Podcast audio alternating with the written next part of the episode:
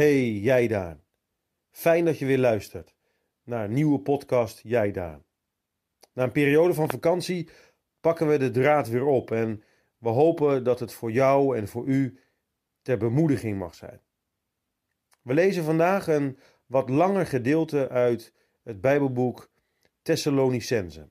We gaan verder met de tweede brief en we lezen daarvan hoofdstuk 2, de versen 1 tot en met 15.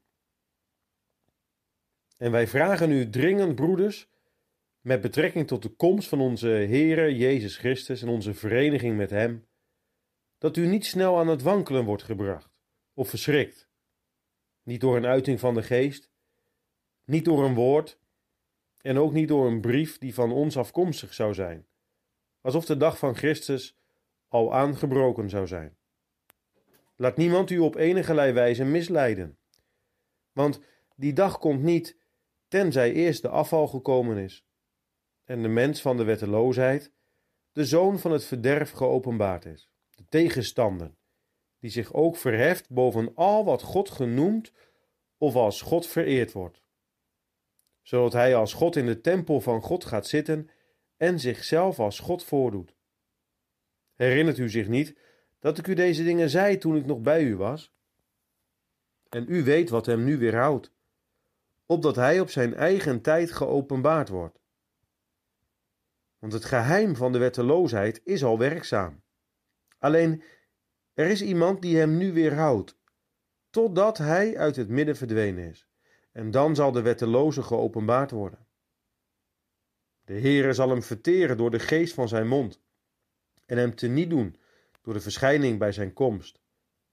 Hem, wiens komst overeenkomstig de werking van de Satan is, met allerlei kracht, tekenen en wonderen van de leugen. En met allerlei misleiding van de ongerechtigheid in hen die verloren gaan, omdat zij de liefde voor de waarheid niet aangenomen hebben om zalig te worden. En daarom zal God hun een krachtige dwaling zenden, zodat zij de leugen geloven, opdat zij allen veroordeeld worden, die de waarheid niet geloofd hebben, maar een behagen hebben gehad in de ongerechtigheid. Maar wij moeten God altijd voor u danken, broeders, die geliefd bent door de Heer. Dat God u van het begin verkoren heeft tot zaligheid, in heiliging, door de geest en geloof in de waarheid. Daartoe heeft Hij u geroepen, door ons evangelie, om de heerlijkheid van onze Heer Jezus Christus te verkrijgen. Sta dan vast, broeders, en houd u aan de overleveringen, waarin u onderwezen bent, door ons woord of door onze brief. Vaststaan. Hoe ben en hoe blijf je gemeente van Christus in de eindtijd? Hoe ben en blijf ik een levend lid van deze gemeente? Dat is een vraag die, denk ik, actueel is en ook op ons van toepassing is. Wat is er veel, ook in onze tijd aan de hand, ja, we leven echt in de eindtijd. De apostel Paulus gaat in hoofdstuk 2 van zijn tweede brief aan de Thessalonicenzen in op de openbaring van de wettelozen. Dat is de antichrist. We hebben het net samen gelezen. Zijn komst zal gepaard gaan met allerlei kracht, tekenen en wonderen van de leugen. Het is Satan die daarachter zit en heel veel mensen zal misleiden en ook de tijd voorafgaand aan de openbaring van de Antichrist zal voor de trouwe kerk moeilijk zijn. Wij weten niet wanneer de Antichrist geopenbaard zal worden. Maar merken wij ook in onze tijd niet dat de geest van de Antichrist rondgaat? Zichtbaar en merkbaar in verlating van het woord van God, in kerkverlating, wetteloosheid, losbandigheid hoe blijven wij in deze tijd van zielsverzoeking en van strijd staande? De Heere zelf geeft ons door het onderwijs van Paulus het antwoord. Sta dan vast. Sta vast en houd je aan de overleveringen. De overleveringen, dat is het onderwijs van Christus en daarmee het onderwijs van de apostelen. In de tijd tussen de eerste en de tweede komst van de Heer Jezus heeft Hij zijn kerk niet alleen gelaten.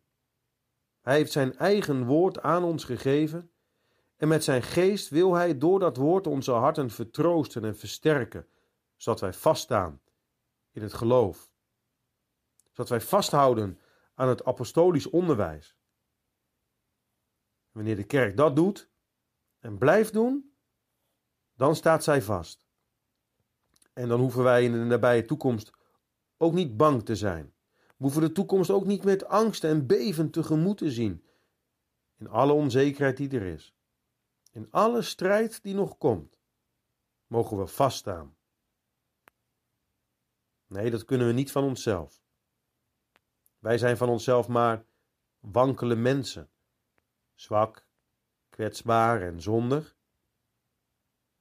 Er staat in deze tekst, die we nu met elkaar overdenken, een klein woordje. Misschien is het je wel opgevallen. Het woordje dan. Sta dan vast, broeders. Dit woordje dan verwijst naar de voorgaande versen, waarin de apostel de gemeente van Christus wijst op Gods verkiezende liefde voor hem. Het is voor Gods kinderen mogelijk om vast te staan en te blijven staan. Waarom dan? Ze zijn geliefd door de Heer met een eeuwige liefde. Gods verkiezende liefde is de reden waardoor zwakke, zondige, maar wel verloste kinderen van God vast kunnen staan en zullen blijven staan. En langs die weg, ja, zullen we eens de heerlijkheid van onze Heer Jezus Christus verkrijgen. En met het oog op uw en jouw en mijn zaligheid klinkt daarom deze oproep. In een turbulente tijd, aan het begin van een nieuw kerkelijk seizoen. Sta dan vast, broeders, en houd je aan de overleveringen waarin jullie onderwezen zijn, door ons woord of door onze brief. Zullen ook wij vaststaan? Laten we samen bidden. Heere God in de hemel, wij danken u dat u uw woord aan ons geeft. Wij danken u dat u uw liefde laat zien, uw eeuwige liefde, waardoor uw kinderen vast kunnen staan. Ook in een tijd waarin de duivel rondgaat en en probeert om uw kinderen te verzoeken en van u af te trekken. Vader, wilt u ons helpen om te zien op uw liefde? En wilt u zo alles geven aan ons wat nodig is, om vast te blijven staan in het woord van u? Heer, zegent u ons en zet u onze wankele voeten vast. Niet omdat wij dat verdienen van onszelf, maar vanwege uw liefde om Jezus wil. Amen.